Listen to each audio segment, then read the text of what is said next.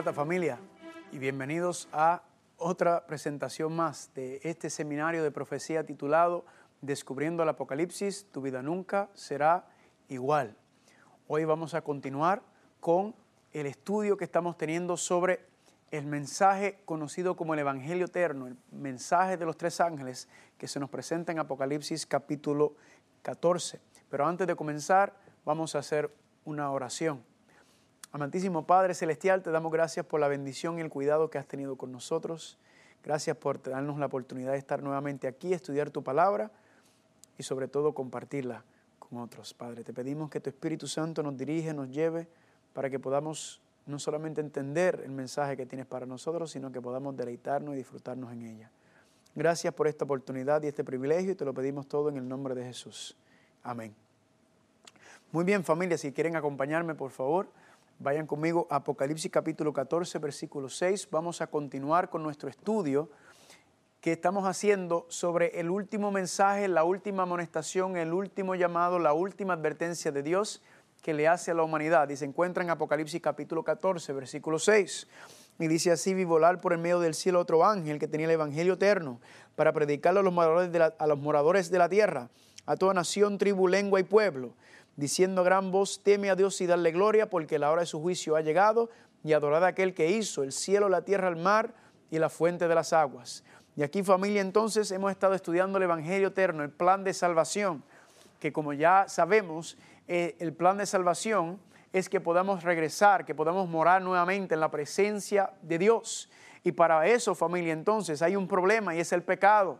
El pecado entonces nos ha destituido del lugar donde teníamos originalmente y entonces, por haber sido destituidos de ese lugar por culpa del pecado, Dios quiere eh, reconciliarnos, pues reponernos nuevamente en ese lugar para que podamos estar y morar nuevamente en su presencia. Entonces, la explicación de cómo es que Dios va a resolver ese problema, familia, está en el Evangelio Eterno, el plan de salvación, que está detallado en el santuario. Así que hoy vamos a terminar con ese primer ángel, que habíamos empezado. Llevamos tres temas corridos con los primeros tres puntos. Si van conmigo al versículo 7, dice, teme a Dios y darle gloria, porque la hora de su juicio ha llegado, que fue el tema anterior. Y el tema de hoy es, adorad a aquel que hizo el cielo, la tierra, el mar y las fuentes de las aguas. Regresamos familia entonces al versículo número 7 y nos está llamando a adorar a Dios como el creador de los cielos, la tierra, el mar y la fuente de las aguas. El primer ángel, recuerden que es un llamado, una amonestación a que regresemos a restaurar estos cuatro principios divinos. Y cuando entonces ahora entramos en el versículo 7, en este último punto del primer ángel, dice que adoremos a Dios como el creador de los cielos, la tierra, el mar y la fuente de las aguas. En otras palabras, nos está pidiendo que hagamos qué? Que lo adoremos como el creador. Significa que si nos está pidiendo en los tiempos finales a que lo adoremos como el Creador, significa que no estamos adorando a Dios como el Creador de los cielos, la tierra, el mar y la fuente de las aguas. Significa que Dios está pidiéndonos nuevamente que restauremos la adoración como nuestro Creador. Pregunta, ¿merece Dios que lo adoremos por habernos creado? Yo digo que sí. Yo digo gloria a Dios y le doy gracias a Dios por habernos creado, ah, independientemente y a pesar de todas las cosas que vemos en este mundo, el sufrimiento y el dolor que existe, tenemos una esperanza de que Dios va a hacer un cielo nuevo y una tierra nueva. Así que yo le doy gracias a Dios por haberme creado. Ahora, la pregunta es, ¿cómo será que le damos gloria a Dios por ser el creador? ¿Verdad? ¿Cómo es que le podemos dar gloria a Dios por ser el creador? Porque obviamente no le estamos dando la adoración que se merece Él por ser nuestro creador. Pues yo me pregunto, ¿será que la iglesia primitiva adoraba a Dios como el Creador? Miren lo que dice Hechos capítulo 4, versículo 24. Y ellos alzaron unánimes la voz de, a Dios y dijeron, soberano Señor, tú eres el Dios que hiciste el cielo, la tierra, el mar y todo lo que hay en ellos. Dice la palabra de Dios que la iglesia primitiva adoraba al Señor. ¿Por qué? Como el creador de los cielos, la tierra, el mar y todo lo que en ellos existe. Incluso no solamente aquí en la tierra se adora a Dios como el creador de todas las cosas, sino también hasta en el cielo. Habíamos visto ya, pero vamos a volver a leer en Apocalipsis capítulo 4, versículo 11, ¿qué está ocurriendo en el cielo? Dice el Señor, digno eres de recibir la gloria, la honra y el poder, porque tú creaste todas las cosas y por tu voluntad existe y fueron creadas. Entonces en la tierra se le adora a Dios como el creador y también en el cielo. Ahora la pregunta es, ¿cómo lo adoramos como el creador de los cielos y de la tierra? Pues es interesante notar que el contexto de Apocalipsis capítulo 14 no nos permite adorarlo como el creador de los cielos y de la tierra, sino que simplemente nos dice que debemos restaurar esa adoración. Ahora, aunque no nos dice inmediatamente el capítulo 14, sí están las pistas o las evidencias a dónde tenemos que ir para adorarlo como el creador de los cielos y de la tierra. ¿Y dónde es eso? Pues en la creación, porque en la creación familia es donde Dios creó el cielo, la tierra, el mar y la fuente de las aguas. Así que nuevamente el libro de Apocalipsis nos manda a dónde? Nos manda el libro de Génesis. Como le habíamos mencionado, el libro de Apocalipsis es como un resumen de la Biblia. Usted no puede entender el libro de Apocalipsis sino, sin el resto de la Biblia. Es completamente imposible. ¿Por qué? Porque todo lo que está citado y referido en el libro de Apocalipsis contiene referencias de otros libros para poder entender el final. Y cuando vamos a Génesis capítulo 1, versículo 1, dice, en el principio creó Dios, ¿qué cosa? Los cielos y la tierra. Así que en el capítulo 1 está explicado que Dios creó los cielos y de la tierra. Noten que ahí no pregunta si Dios lo creó, ahí no está tratando, asumiendo, sino es una declaración. La Biblia empieza enfáticamente con la declaración, quizás la declaración más importante, que Dios es el creador de los cielos y de la tierra. Y lo que distingue la diferencia entre nosotros y Dios es que Él es el creador y nosotros somos la creación. Así que en el mensaje final de Apocalipsis nos dice, Apocalipsis 14, que lo adoremos como el creador. Significa que entonces tenemos que aprender a adorarlo como el creador. Ahora, cuando entonces nos preguntamos, ¿cómo entonces? Entonces se le adora. Pues tenemos que leer lo que dice el libro de Génesis para que entonces podamos comprender por qué Dios merece ser adorado. Bueno, merece porque es el creador, pero ¿cómo? Y si notamos familia, si usted hace un, lee el libro de Génesis, usted va a encontrar algo muy interesante. Dice que cada día que Dios creó algo, fuera, era bueno. Cada día era bueno. El primer día bueno, el segundo día bueno, tercer día bueno, cuarto día bueno, quinto día bueno, sexto día bueno. No. El sexto día dice la, la palabra que era bueno en gran manera. Miren el versículo capítulo 1 versículo 31. Y vio Dios todo lo que había hecho, y aquí que era bueno en gran manera, y fue la tarde y la mañana que día, el sexto día. Ahora, quiero hacerles una pregunta. Cuando dice que Dios creó todo, ¿a quién se está refiriendo? ¿A Dios Padre, a Dios Hijo o a Dios Espíritu Santo? Pues Quizás a veces la gente levanta la mano para decir que es Dios Padre, otros dicen que es el Hijo, otros dicen que es el Espíritu Santo. Y la contestación a esa pregunta, familia, la encontramos en Primera de Juan, perdón, Juan capítulo 1, versículo 1, dice, en el principio era el verbo, y el verbo era con Dios, y el verbo era Dios. Este era en el principio con Dios, y todas las cosas por Él, que es el verbo, fueron hechas, y sin Él nada de lo que ha sido hecho fue hecho. Dice versículo 10, en el mundo estaba y el mundo por él fue hecho, pero el mundo no le conoció. En otras palabras, el Creador vino aquí a la tierra.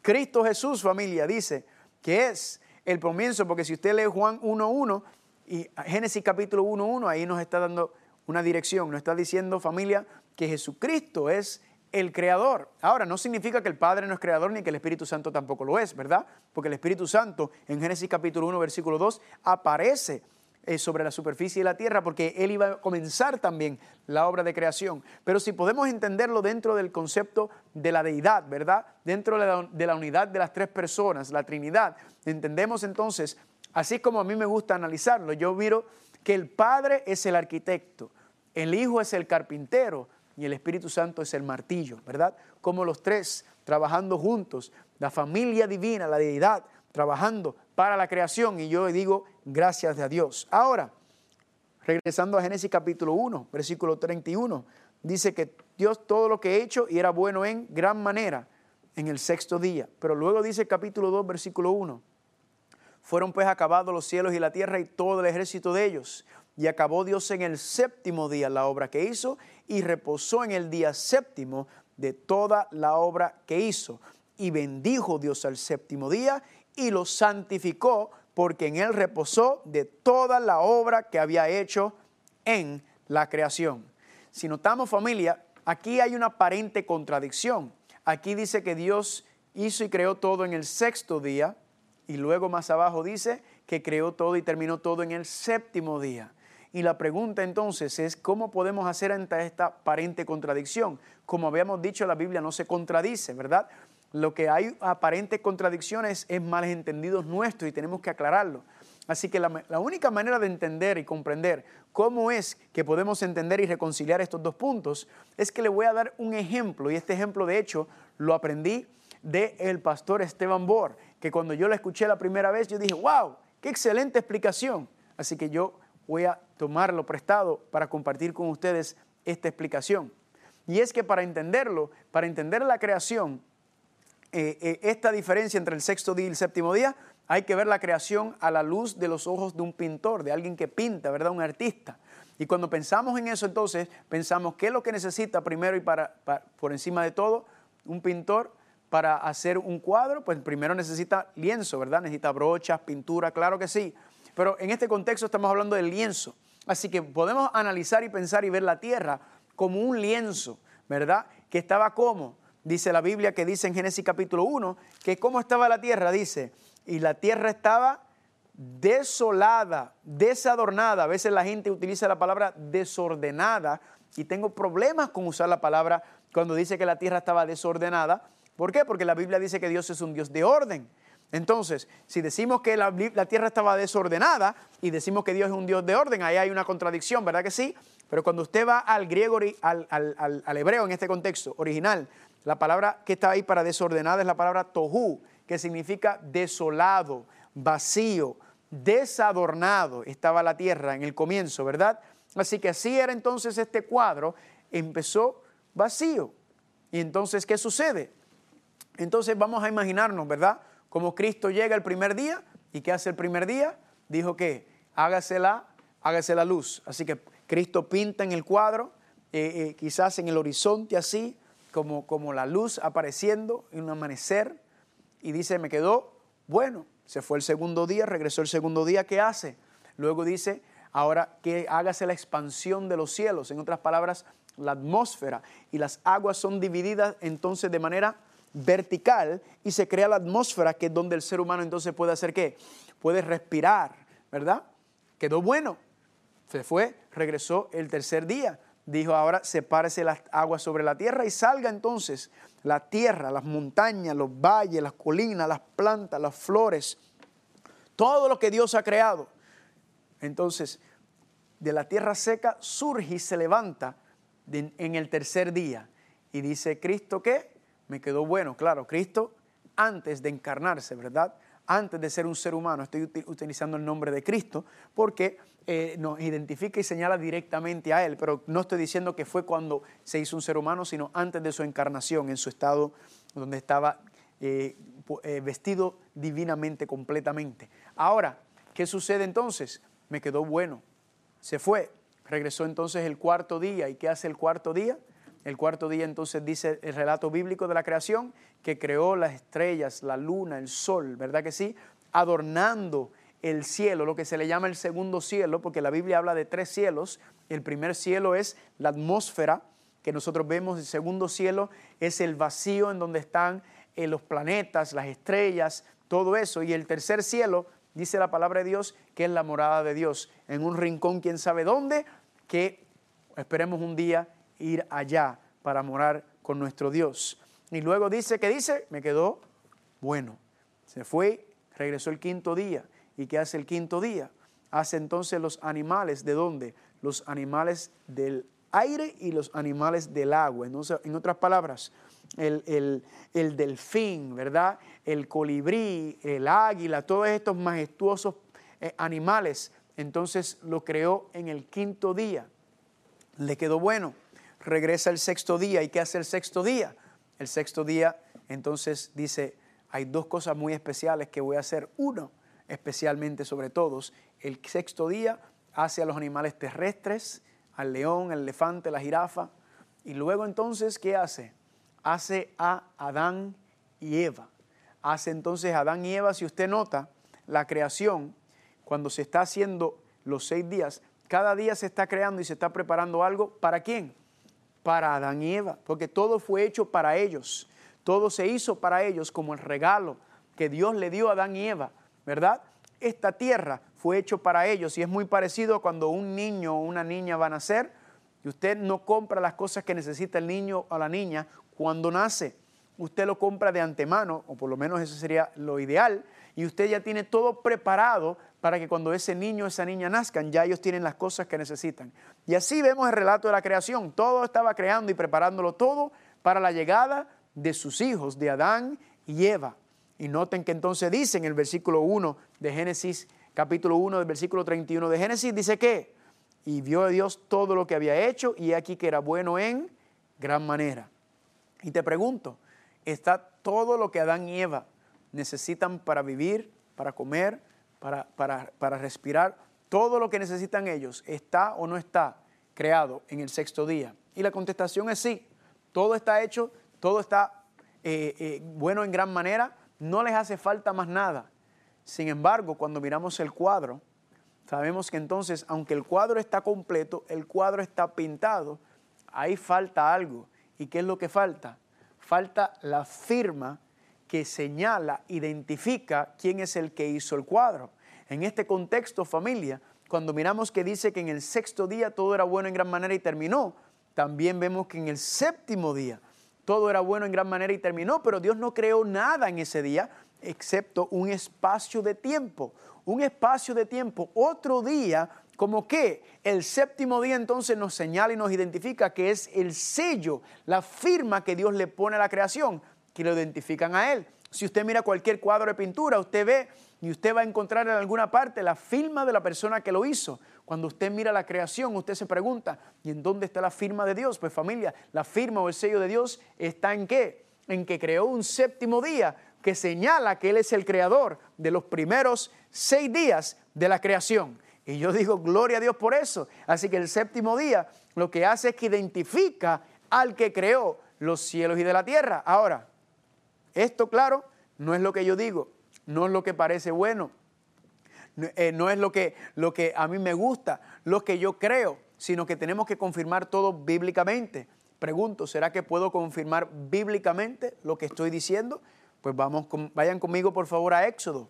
Éxodo capítulo 20, ya hemos estudiado sobre la santa ley de Dios, los diez mandamientos y en, los en la santa ley de Dios, ¿verdad? La ley moral, los principios divinos, los diez principios divinos que son un reflejo del carácter de Dios y son con cómo el, gobierno de Dios, eh, cómo se rige el universo completo por estos diez principios divinos y santos. Y miren lo que dice Éxodo capítulo 20. Ya hemos hablado de la ley de Dios. Ahora vamos a empezar a hablar específicamente de una ley. Versículo número 8 dice, acuérdate del día de reposo para santificarlo. Paremos ahí un momento. ¿Cómo comienza el cuarto mandamiento con la palabra acuérdate. Pues debe haber dos razones por las cuales comienza con la palabra acuérdate. Primero, es porque ya se había mencionado. Porque si no se había mencionado anteriormente, entonces Dios no va a decir acuérdate. Si dice acuérdate es que porque ya lo había mencionado, pregunten dónde lo había mencionado, en dónde se había establecido el sábado. Pues familia, se, se estableció en dónde? En la creación, en Génesis capítulo 2. Ahí está explicado, ahí está detallado ya. Y otra razón por la cual debe decir acuérdate es una razón muy sencilla. Es porque porque Dios sabía que se nos iba a olvidar. Por eso Apocalipsis capítulo 14, versículo 7 dice, adoradlo a Él como el creador de los cielos, la tierra, el mar y la fuente de las aguas. Pues si nos está pidiendo que restauremos esa adoración, es porque se nos ha olvidado y por eso dice, acuérdate de ese día. Y noten que dice, acuérdate del día de reposo para santificarlo. La palabra santificar significa para separar, para sacar, para un uso especial, apartado. Significa que hay seis días en el cual Dios creó todas las cosas. Pero ¿qué dice? El séptimo día es aparte de los otros seis días. El séptimo día es santo, en comparación con los otros seis días. Los otros seis días sí son creación de Dios, pero Dios no los santificó. Dios no puso su santidad y su bendición, como dice Génesis capítulo 2, versículo 3, sobre la creación. Ahora, la pregunta es, ¿por qué? Vamos a seguir leyendo. Seis días trabajarás y harás toda tu obra. Versículo número 9. Mas el séptimo día es reposo para Carlos Muñoz Acosta. Pues si usted está leyendo conmigo, usted va a saber que ahí nos está diciendo que el séptimo día es reposo para mí. Familia, aquí dice que el séptimo día es reposo para el Señor nuestro Dios. Él es el que trabajó, Él es el que creó y Él es el que reposó en el séptimo día. Y lo que hace es que nos invita a reposar con Él. ¿Por qué? Porque Él es el creador, Él es el que hizo. Y nos está diciendo claramente este versículo que el séptimo día no es de nosotros. El séptimo día no nos pertenece. Dios dice, tú tienes seis días. El séptimo día me pertenece a mí. Y sigue diciendo, mas el séptimo día reposo para el Señor tu Dios. No hagas en él obra alguna, ni tú, ni tu hijo, ni tu hija, ni tu siervo, ni tu criada, ni tu bestia, ni tu extranjero que está dentro de tus puertas. Paremos aquí. Dios dice, tienes seis días para trabajar, para estudiar, para hacer limpieza, para hacer todas las tareas de la vida cotidiana. Él dice, seis días tienes para hacer todas estas cosas, pero el séptimo día dice, es santo, santificado, apartado. Yo no quiero que tú hagas lo que hacen los demás seis días de las cosas así que, que se pueden esperar para otro día. Yo no quiero que tú hagas eso en el séptimo día, sino que el séptimo día me pertenece a mí. ¿Y cuál es la razón por la cual Dios nos está pidiendo que no hagamos esas tareas diarias cotidianas en el séptimo día? Pues la Biblia lo dice en el versículo número 11. Éxodo 20:11. ¿Por qué?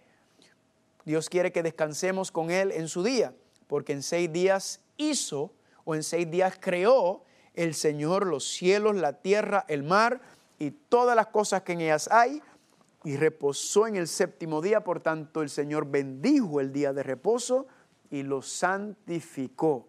Aquí familia, ese versículo 11 es una cita directa de Génesis capítulo 2, diciendo que Dios que hizo, reposó, lo bendijo y lo santificó el séptimo día. Así que aquí nos está dando la razón por la cual debemos nosotros entonces guardar, santificar, reposar con el Señor en su día. Es porque qué? Para conmemorar que Él es el creador. Eso es lo que está ligado directamente a Apocalipsis capítulo 14, versículo 7. A que le devolvemos la adoración que le pertenece a Él como ser el creador. ¿Y eso cómo se hace? Pues cómo? Acordándonos de santificar y de reposar en su santo día. Y yo por eso digo, gloria a Dios. Ahora la pregunta es, ¿por qué Dios reposó en el séptimo día? ¿Por qué paró Cristo de crear en el séptimo día y reposó? ¿Verdad? ¿Será que se cansa Dios? Pues Isaías capítulo 40, versículo 28 dice que Dios ni desmaya ni se cansa. La pregunta es entonces, ¿cómo es? ¿Por qué razón es que Dios nos pide? Es que Dios entonces hizo un día de descanso y nos invita a eso. Pues para eso vayamos a Marcos capítulo 2, versículos 27 y 28. Y miren lo que Cristo dice para explicar este mismo punto. Dice, también le dijo, el día de reposo fue hecho por causa del judío. Nope. Ahí no dice que el día de reposo fue hecho para el judío, ahí dice que es para el hombre. La palabra para hombre en griego es antropos, de donde se, saca la palabra antropología, ¿verdad? El estudio de las personas, de las culturas. Está hablando del ser humano, el antropos es el ser humano, la persona. Dice que el sábado fue hecho por causa de nosotros o para nosotros. ¿Cuándo fue que el sábado, cuándo fue que el séptimo día se hizo para nosotros? Pues familia, en la creación. En Génesis capítulo 1 nos explica que ahí fue cuando se hizo para nuestro deleite, para el disfrute de Adán y Eva. Y dice, y no el hombre por causa del día de reposo. En otras palabras, nosotros no fuimos creados para el día de reposo. El día de reposo fue creado para nosotros, para deleitarnos, para disfrutarnos en la compañía del Señor, en poner al lado las tareas cotidianas, lo que se hace todos los días, y para saber que el Señor entonces quiere pasar ese tiempo santo con nosotros. Y me gusta la última parte del versículo 28 porque mucha gente a veces brinca ese versículo. Por tanto, el Hijo del Hombre es Señor aún del día de reposo.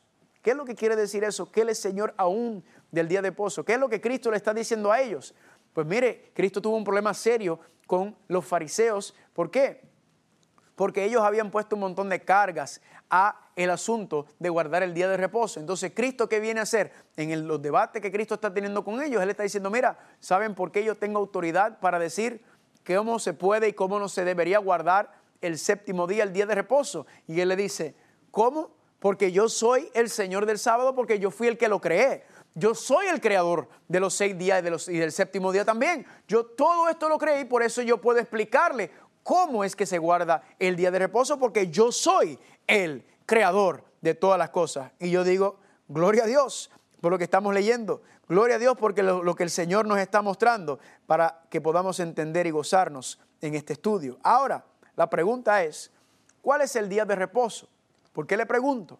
Porque cuando yo entré al cristianismo y yo empecé a estudiar la Biblia, yo me encontré con muchas personas que tenían diferentes opiniones sobre el día de reposo. Alguna gente decían que el día de reposo era domingo, otra gente decía que era viernes, otros decían que era sábado, otros decían que era lunes, otros martes, miércoles. Incluso me encontré con gente que dice que todos los días son santos y me encontré con otra gente que decía que ya ningún día importa, que ya todo eso pasó. Ahora, nuevamente, yo, yo estoy entrando al cristianismo y yo digo, no, esto no puede ser porque todo el mundo se está contradiciendo. Familia, ¿a dónde voy a ir para entender cuál es el día de reposo del Señor bíblicamente autorizado y establecido por Dios? Pues familia, a la palabra de Dios. Aquí es donde voy a ir porque no puedo confiar en el ser humano, porque el ser humano, todo el mundo tiene su propia opinión y Dios no es Dios de confusión. Dios si nos está diciendo y nos está estableciendo, estableciendo es porque Dios nos va a decir claramente cuál es su día de reposo. Así que yo quiero que usted me acompañe para que encontremos la evidencia que nos dice cuál es el día de reposo y para eso vayan conmigo a Lucas capítulo 23. Lucas capítulo 23 y vamos a comenzar en el versículo 5. Aquí está la evidencia de cuál es el día de reposo. Aquí, familia, es donde en la controversia se pone a dormir. Dice Éxodo, perdón, Lucas capítulo 23, versículo 50. leo, había un varón llamado José de Arimatea, ciudad de Judea, el cual era miembro del concilio, varón bueno y justo. Este que también esperaba al reino de Dios no había consentido en el acuerdo ni en los hechos de ellos fue a Pilato y pidió el cuerpo de Jesús. Así que si José de Arimatea fue a pedir el cuerpo de Jesús, es que en dónde estaba el cuerpo de Jesús? Colgando en la cruz del Calvario.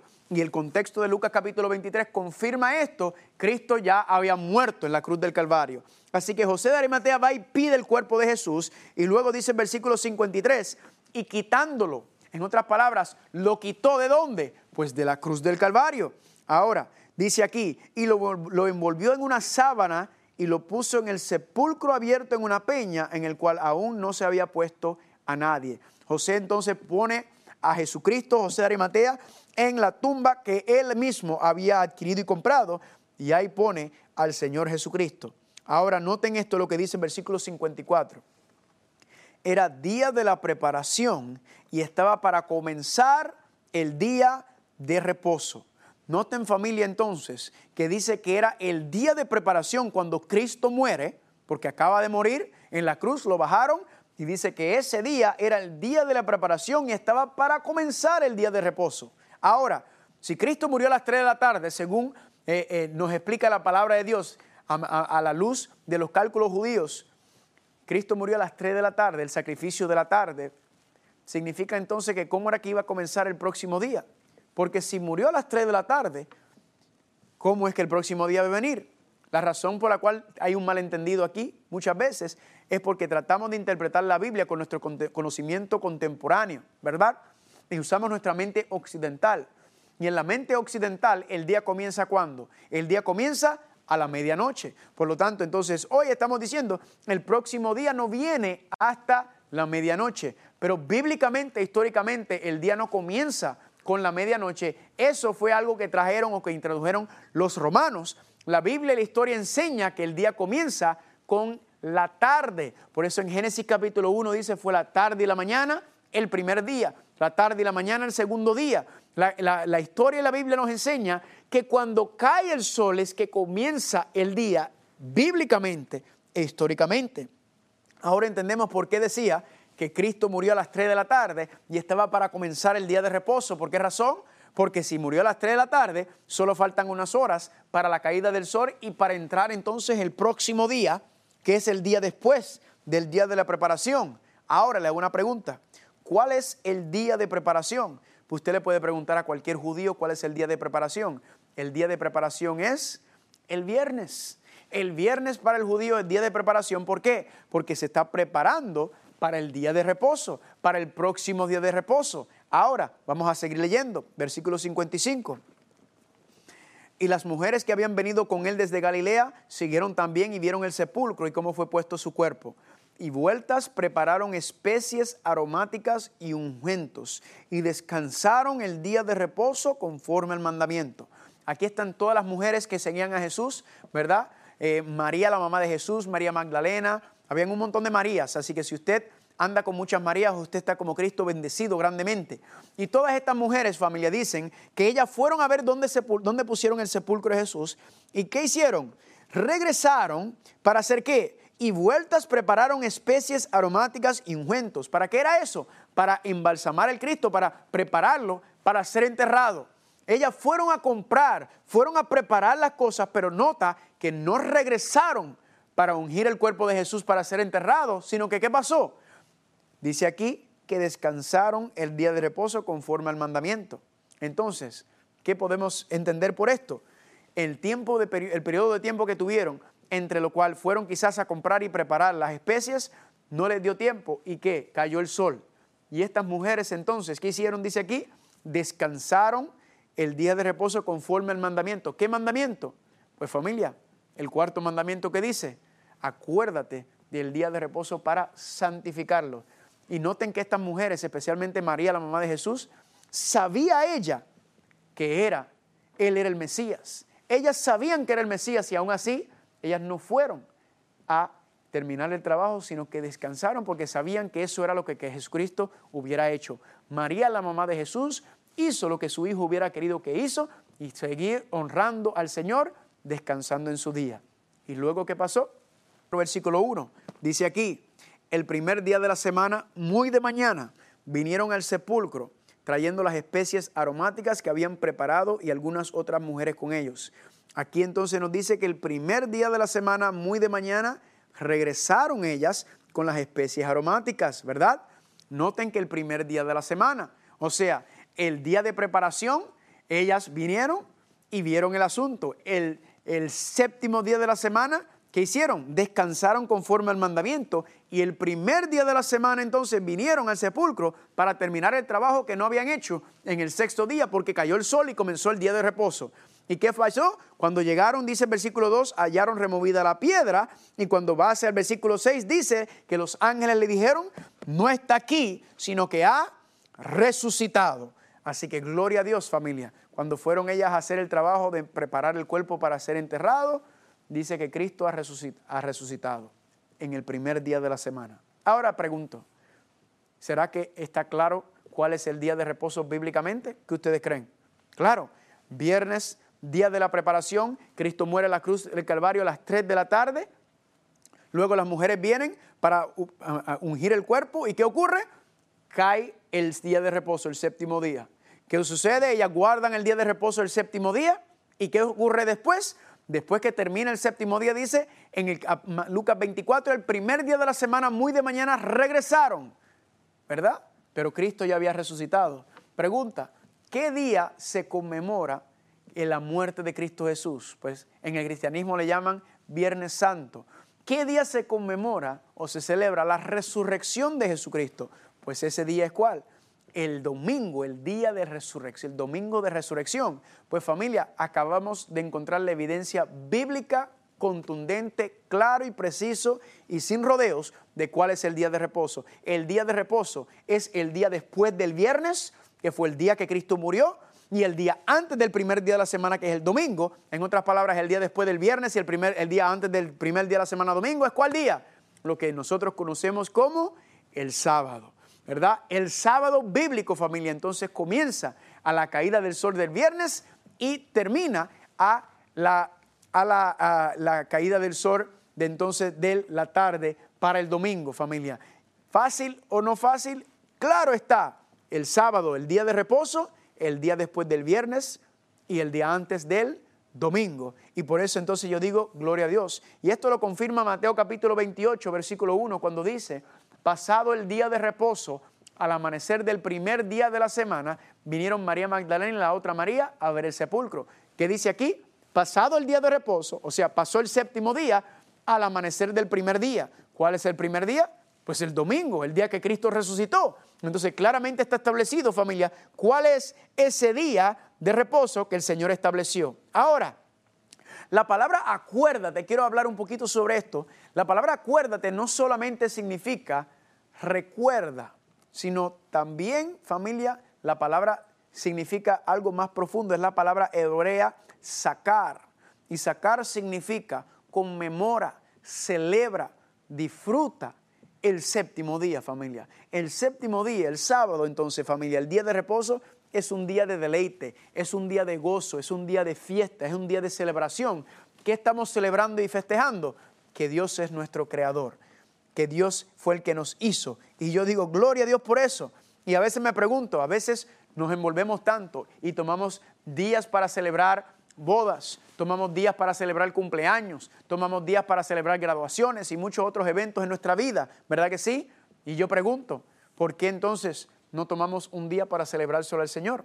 ¿No merece el Señor que le dediquemos un día? Él nos dice, seis días trabaja, haz lo que tengas que hacer en los seis días, pero el séptimo día pon todo eso a un lado y vamos a reposar en mi día santo. Dios nos invita a participar del reposo que Él tuvo cuando paró de crear, cuando cesó. Ahora, yo me imagino ese primer sábado en la creación, cómo tuvo que haber sido. Porque qué? Yo me imagino que, ¿verdad? En el sexto día creó Dios a los animales, luego a los animales terrestres, y luego entonces crea a Adán. Adán está solo, ¿verdad? Adán le pone los nombres a los animales, a los animales. Yo creo que Dios lo hizo porque estaba tratando de crear en él el deseo, el anhelo de tener compañía. Y luego entonces, cuando vio que Adán se daba cuenta que no había uno como él, ¿verdad? Gallo, gallina, león, leona, pero eh, eh, Adán se dice, pero no hay una como yo. Entonces ahí Dios, ¿verdad? Produce lo que nosotros conocemos y entendemos como la primera operación, la primera anestesia, Dios lo duerme y ¿qué hace? Saca de Adán a su pareja idónea, a, a la mujer, al balance, ¿verdad que sí? Para Adán. Y yo me imagino que ese viernes en la tarde, ¿verdad? Ya debe estar el sol empezando a caer. ¿Y qué hace Dios? Dios lleva a cabo la primera ceremonia de matrimonio. Dios viene y agarra a Adán y Eva y los une. Y después de unirlos, le dice, ahora ustedes son una sola carne, esta es tu esposa y este es tu esposo. Y yo imagino que lo contento que estaban los dos, ¿verdad que sí? Deseosos de decir, wow, vamos a consumar este matrimonio. Pero Dios dijo, pa, pa, pa, Cristo le dijo, espérate un momento, y Cristo me imagino que agarró a Adán y Eva por las manos, ¿verdad que sí? Ya ha caído el sol y Cristo ahora viene y le da un tour por todo este mundo nuevo, este planeta nuevo y Adán y Eva me imagino que tienen la boca abierta, están maravillados con lo que están viendo y están diciendo, pero Señor, qué cosa linda este mundo que tú has creado, qué bello es, qué hermoso es. Y me imagino que Cristo le dijo, ¿les gusta este mundo? Sí. Él le dijo, este mundo yo lo hice para ustedes dos. Este es mi regalo para ustedes. Usted se imagina cómo Adán y Eva eh, se sintieron en ese día diciendo, ¿qué? ¿Verdaderamente tú nos estás regalando este planeta? Sí, este es mi regalo de boda para ustedes dos. Y me imagino a Adán y Eva como que, wow, pero cuán grande eres, Señor, qué increíble eres, qué Dios más maravilloso eres. Y le dijo, lo único que tenemos que, que quiero que hagan es que nos recordemos de este momento, nos recordemos de que yo soy el creador, nos recordemos que ustedes son mi creación. Yo quiero conmemorar este evento, yo quiero conmemorar este momento. ¿Cómo? Pues cada séptimo día yo los quiero invitar a ustedes a reposar conmigo. Yo quiero que ustedes entren en mi reposo en el séptimo día para disfrutar y deleitarnos de que yo soy su Dios y ustedes son mi creación. Yo soy su creador y ustedes son mis hijos. ¿Usted cree que a Adán y Eva le fue difícil ceder ante eso? Claro que no. ¿Cómo van a hacer si después que todo, lo que Dios le había creado, todo lo que había, Dios le había dado? Y yo por eso decimos, gloria a Dios, recuerda, conmemora, celebra. Ahora, ¿cuál fue el problema? Que en Génesis capítulo, esto está pasando en Génesis capítulo 1 y 2. En Génesis capítulo 3 entró el pecado. Ahora, pregunta, ¿cambió el plan de Dios para sus hijos después de haber entrado el pecado? Pues no, familia. ¿Por qué? ¿Cómo sabemos que no? Porque, por ejemplo, en el Edén se establecieron tres instituciones. ¿Cuáles son las tres instituciones que se establecieron en el Edén? El matrimonio, el sábado y el menú celestial, la alimentación original, ¿verdad? Eso está establecido, esa institución están establecidos ahí. Ahora, pregunta, ¿el matrimonio de alguna manera Dios ha quedado invalidado? Para nada, todavía sigue siendo el plan de Dios. Pregunta, ¿la alimentación que Dios estableció ha quedado invalidada y ya Dios no quiere que comamos eh, cosas saludables de la naturaleza, las plantas, las frutas, las vegetales, las semillas? No, claro que no. Entonces, si los otros dos siguen siendo parte del plan de Dios, ¿por qué creemos que el, día de reposo, el sábado, ya no es parte del plan de Dios porque entró el pecado? Jamás. Al revés, vamos a ver más adelante que es más que nunca familia en este mundo en el cual vivimos, tan ocupado, tan ajetreado, tan cargado, cuando más tiempo Dios nos está diciendo, para, descansa, reposa, en este seis días trabajas, pero descansa este día. Y Dios dice, dedícamelo. ¿Y cómo sabemos que el sábado sigue siendo parte del plan de Dios después de haber entrado el pecado?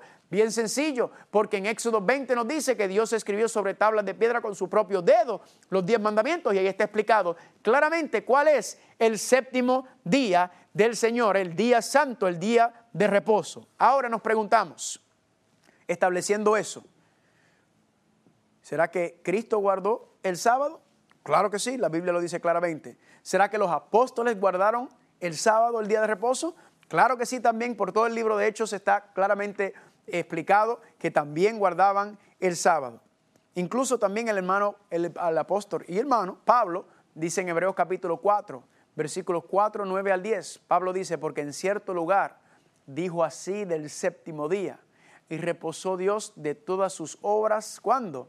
En el séptimo día. Pablo está hablando de qué? De Génesis. Porque el que ha entrado en su reposo también ha reposado de sus obras como Dios de las suyas. Así que nuevamente Dios reposó en sus obras en el séptimo día y nosotros también debemos entrar en su reposo.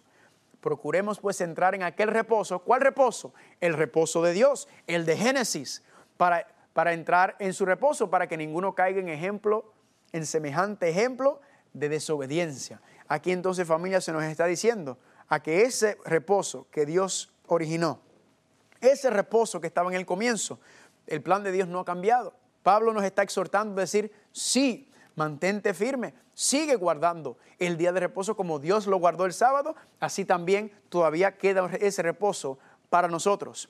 Y lo confirma Pablo en Primera de Corintios, capítulo 7, versículo 19, cuando dice, la circuncisión nada es. Y nada es la circuncisión. ¿Hablando de qué? Esa es la ley ceremonial, ¿verdad? Pero ¿qué es lo que Pablo resalta? Eso la circuncisión ya no es, ni es, ni es, ni no es. Sino qué cosa? El guardar los nueve mandamientos de Dios. No, ahí no dice guardar los nueve mandamientos de Dios. Ahí dice guardar qué? Los mandamientos de Dios. Todos los mandamientos de Dios, familia. ¿Por qué? Porque siguen siendo el plan de Dios, siguen siendo los principios morales de Dios, siguen siendo la santa ley de Dios. Nada ha cambiado. Y yo digo, gloria a Dios por eso. Ahora la pregunta es, ¿por qué la mayoría de los cristianos creen que el domingo es el día del Señor? ¿Por qué la mayoría de los cristianos creen, verdad? Y cristianos muy sinceros, gente que yo conozco, gente que aman al Señor, que lo honran, que viven de acuerdo a su palabra, y sin embargo ellos creen que el, día de reposo es el domingo. Pues familia, la Biblia lo explica claramente en Mateo capítulo 15, del 1 en adelante. Cristo dice, por vuestra tradición están ustedes eh, eh, siguiendo. Ustedes están poniendo la tradición por encima de mis mandamientos, encima de mi santa ley, dice Cristo en Mateo capítulo 15 del 1 en adelante. ¿Qué es lo que estaba pasando? Poniendo tradición de hombre primero y dándole más importancia a la santa ley de Dios. Y entonces cuando, cuando empezamos a pensar y mirar, quiero que entiendan que no hay nada de malo en la tradición. Hay tradiciones muy buenas que tenemos en nuestras culturas, ¿verdad? El problema no es la tradición en sí, el problema es cuando la tradición humana conflige o contradice con la palabra de Dios. Ya entonces yo como hijo de Dios no puedo seguir la tradición, sino tengo que seguir qué? La palabra de Dios porque soy hijo de Dios y yo voy por encima de la cultura de este mundo, encima por mi cultura hispana, encima por la cultura que tenemos, yo primero pongo la palabra de Dios y sigo con el Señor. Y por eso decimos gloria a Dios. Y cuando encontramos entonces nos preguntamos, ¿y dónde es que esta tradición humana del domingo como el día del Señor comenzó. Pues familia, aquí vino la próxima pregunta mía y me puse a estudiar y ¿sabe lo que encontré? ¿De dónde viene este asunto del domingo si en la Biblia no se habla en ninguna parte del primer día de la semana como el día santo del Señor? No hay ningún versículo en la Biblia que diga que el día el primer día de la semana usurpó o Dios cambió la santidad del séptimo día para el primer día. No encontré un solo versículo que dijera en la Biblia que el primer día de la semana era el nuevo día santo que el Señor había establecido. Entonces la pregunta es, ¿y cómo entró este asunto en el cristianismo? ¿Y por qué la razón la mayoría de los cristianos lo creen? Pues familia, es porque porque cuando usted estudia la historia, usted se encuentra con un emperador romano llamado Constantino. Constantino, el emperador romano, allá en el siglo IV, él se convierte en el, emperador de Roma y él era un adorador del sol, era, él era un pagano, pero para no hacerle la historia larga, para hacerle la historia larga corta, usted puede encontrar más información de Constantino en, cual, en cualquier búsqueda en el internet. Nos enseña y nos dice que Constantino entendió que tuvo una visión de Dios y que Dios entonces le dio la victoria para que él pudiera ser eh, eh, el emperador de Roma. Y la historia dice que entonces Constantino tomó el cristianismo, que hasta ese momento había sido perseguido en el cristianismo. Los cristianos eran perseguidos, torturados, asesinados en el imperio romano por, por no querer someterse a la, a la autoridad del César. Dice entonces que qué pasó? Constantino entonces toma el cristianismo y pasó de ser la religión perseguida y lo convirtió en la religión oficial del imperio romano. Y en ese momento, familia, todos esos cristianos que estaban ahí y todos los paganos, Constantino dice, ahora todos vamos a ser cristianos, ahora era cool, ¿verdad? Era parte de nítida, porque el emperador se había convertido al cristianismo. Entonces todos los demás tenían que ponerse en fila con el emperador. ¿Y qué hace Constantino? Bueno, pues vamos a cristianizar a todos estos paganos, ¿verdad? Y entonces empezaron a haber cambios dentro del cristianismo que no existían hasta el momento de, de, Constantino, que entonces empezaron a traer estos cambios. Constantino creyendo cristianizar a los paganos terminó paganizando el cristianismo y esta creencia del domingo como el día del Señor, ¿verdad? Entra dentro de la iglesia. ¿Y por qué domingo? Pues si Constantino era adorador del sol, le hago una pregunta, ¿en qué día se adoraba el sol en el imperio romano? Pues en Sunday, ¿verdad? Sunday, el domingo, era el día que se adoraba el sol. Entonces, ¿qué sucede? Que tratando de buscar hacer buscar un punto medio, una transición entre el paganismo y el cristianismo. Entonces dice, bueno, el sábado ese día le pertenece a los judíos, los judíos mataron a Cristo, olvídense de ellos, vamos entonces a adoptar el domingo como el nuevo día del Señor. Y así fue como comenzó esa tradición, familia, hace casi dos mil años. Y la pregunta es, familia, ¿suena bonito?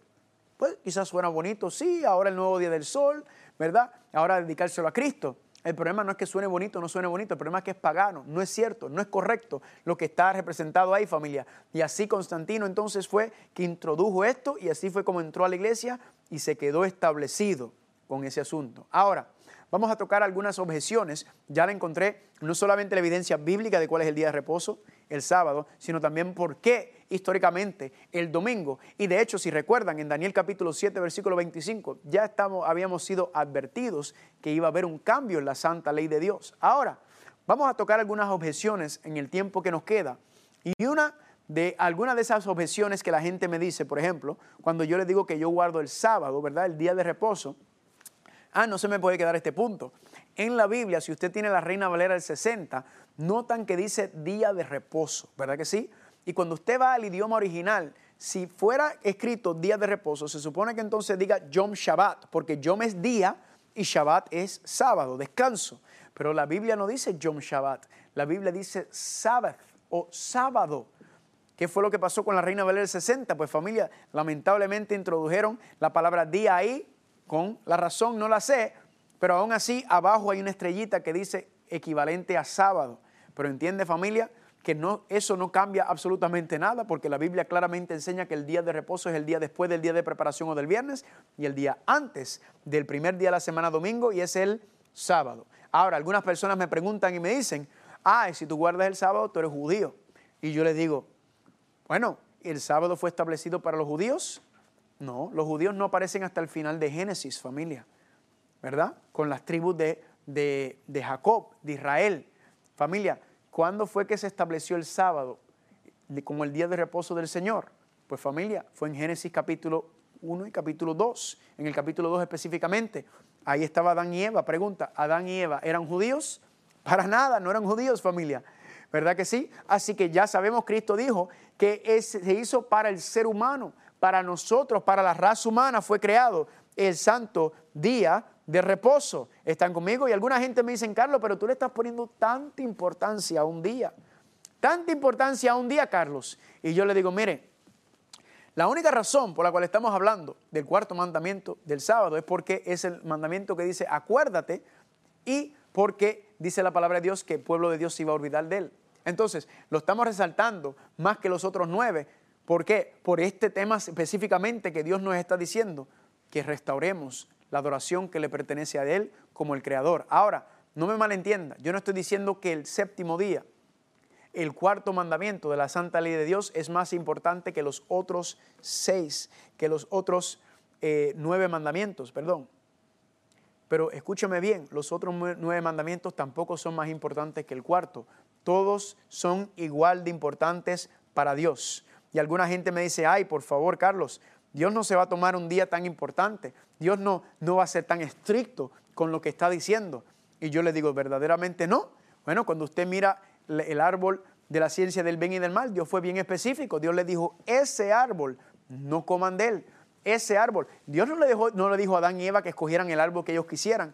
Él le dijo específicamente, ese árbol no lo toquen. Y pregunta, ¿hubo consecuencias por haber desobedecido el mandato referente a un solo árbol? Claro que sí, familia. Tan y tan serio fue lo que pasó con ese árbol que mira en dónde nos encontramos nosotros. Mira lo que pasó con Cristo, su hijo tuvo que morir en la cruz del Calvario por esa misma desobediencia de Adán y Eva. Entonces no me digan a mí que Dios no se toma en serio sus mandatos cuando está hablando específicamente de un árbol, como también estaba hablando específicamente del séptimo día. Dios no dijo, escojan el día que ustedes quieren para descansar. Dios dijo, este día es mi séptimo día de reposo, guárdenlo, eh, santifícanlo, reposen conmigo familia. Así que yo no sé familia, yo voy a seguir lo que dice Dios y lo que dice Él en su palabra. Alguna gente me dice, Carlos, lo que pasa es que los días de la semana han cambiado, no se sabe cuáles fueron los días, ¿verdad? Que hubo un cambio. Y yo me encontré eso interesante. Pues yo noté, familia, que eh, esta misma pregunta se le hizo a James Robertson, que era el director de la base naval de Estados Unidos. Y miren lo que dijo este señor sobre este hecho. Dice él, Hemos tenido la oportunidad de investigar los resultados del trabajo de especialistas en cronología y sin embargo nunca hemos encontrado uno de ellos que haya tenido la más mínima duda sobre la continuidad del ciclo semanal desde mucho antes de la era cristiana.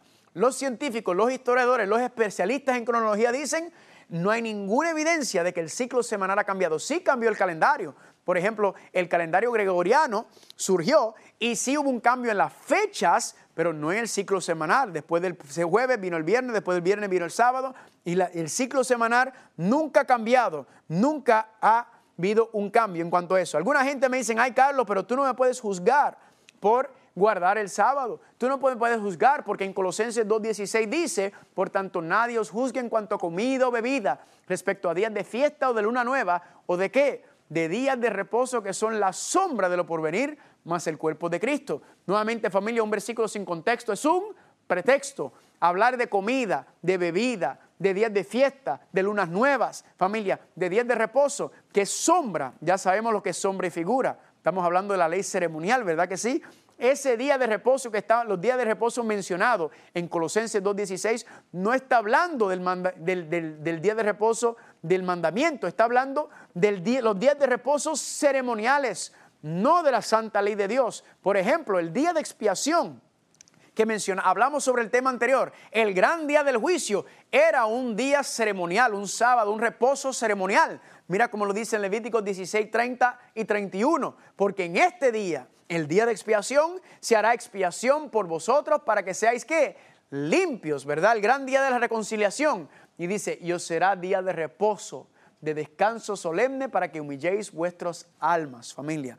La Biblia enseña, familia, que estaba el sábado de los diez mandamientos, el sábado semanal y estaba el sábado de qué? El sábado ceremonial, el sábado anual que caían en diferentes fechas, todo dependía de qué del calendario. Por eso, familia, a veces se celebra la, la Pascua, lo que le llaman Semana Santa, a veces al final de, de, marzo y a veces a principio de abril. ¿Por qué? Porque están siguiendo el calendario. Alguna gente dice, ah, lo que pasa es que Cristo resucitó el domingo y por eso el domingo es el nuevo día del Señor. Y yo le digo, mire, eso suena muy bien, pero enséñame el versículo en la Biblia donde lo dice. ¿Por qué? Porque Dios escribió su santa ley con su propio dedo en tablas de piedra. Si Dios fuera a cambiar su santa ley en alguna parte, tiene que estar registrado, tiene que estar dicho. Pero familia, no encontramos ningún relato donde Dios dice que porque Cristo resucitó, que ahora el primer día de la semana es el primer, el nuevo día santo del Señor. Ahora la Biblia sí nos enseña y nos habla cómo celebrar este día, cómo celebrar la resurrección de Jesucristo. ¿Y cómo lo hacemos, familia? Pues por medio del bautismo, según Romanos capítulo 6 del 3 al 6, dice que el bautismo estamos celebrando la muerte y la resurrección de Jesucristo. Y por eso yo digo, gloria a Dios en ese contexto. ¿Por qué? Porque la Biblia es clara, familia. No hay ninguna evidencia, no hay nada que me enseñe. Y alguna gente me dicen, pero ven acá y toda la gente que ha muerto en el pasado, que no guardaron el sábado, ¿qué pasó con ellos? Familia, Dios es un juez justo, como estudiamos en el tema anterior. Dios va a juzgar a cada uno de acuerdo a lo que conoce y cómo vivió de acuerdo a ese conocimiento. Usted no se tiene que preocupar porque dice Hechos 17:30, pero Dios, habiendo pasado por alto los tiempos de esta ignorancia, ahora manda a todos los hombres en todo lugar a que se arrepientan. ¿Arrepentirse de qué? Del pecado. ¿Y el pecado qué es? Transgresión de la ley. El cuarto mandamiento es parte de esa santa ley. Así que, ¿qué está diciendo? Eso pasó. Esa ignorancia ya pasó. Ahora Dios está diciendo, ahora guarda mi día. familia, usted no se tiene que preocupar por las personas que han muerto porque las personas que murieron, el Señor es un juez justo y los va a juzgar de acuerdo al conocimiento y lo que vivían. Pero yo no le estoy hablando a ningún muerto, porque si usted me está viendo y me está escuchando, usted no está muerto y el Señor te está diciendo, ya eso pasó, esa ignorancia, ahora tú conoces la verdad, ahora guarda mi santo día, honrame. Y alguna gente me dice, ay, es que yo no puedo porque tengo responsabilidad de trabajo. Mire, usted pone a Dios primero en todas las cosas y el Señor nunca te va a desamparar. Por eso dice el Salmo 37, 25, joven fui y envejecido y nunca he visto justo desamparado ni a sus hijos que mendiguen pan. Usted ponga al Señor primero por encima de todo y el Señor es el dueño del oro y de la plata y Él te va a decir, yo te voy a honrar, yo te voy a bendecir si tú me honras y me bendices a mí, familia. La palabra de Dios nos enseña claramente, familia, que Dios es el que establece todas estas cosas. Incluso dice también en Isaías 66, 22 y 23 que de mes en mes y de sábado en sábado, por el resto de la eternidad, en los cielos nuevos y en la tierra nueva, seguiremos adorando al Señor. En la creación, el pueblo, Cristo, por el resto de la eternidad estaremos guardando el sábado, pero ahora no hay que hacerlo. Por eso Cristo nos dice en Juan 14, 15, si me amas, guarda mis mandamientos. Te invito a que descanses con el Señor en su día.